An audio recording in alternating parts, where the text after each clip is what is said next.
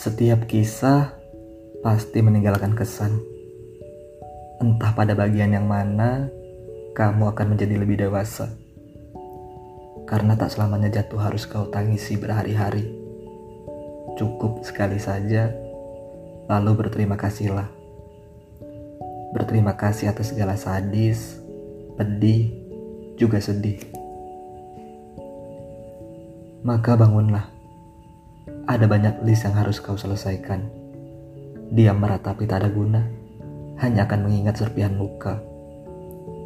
Kau harus bangkit dari keterpurukan.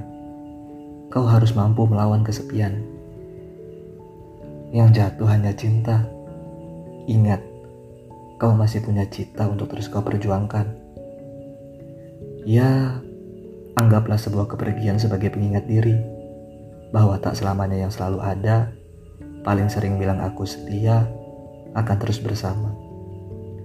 Dia juga manusia, punya sifat bosan, jenuh, bahkan tak acuh.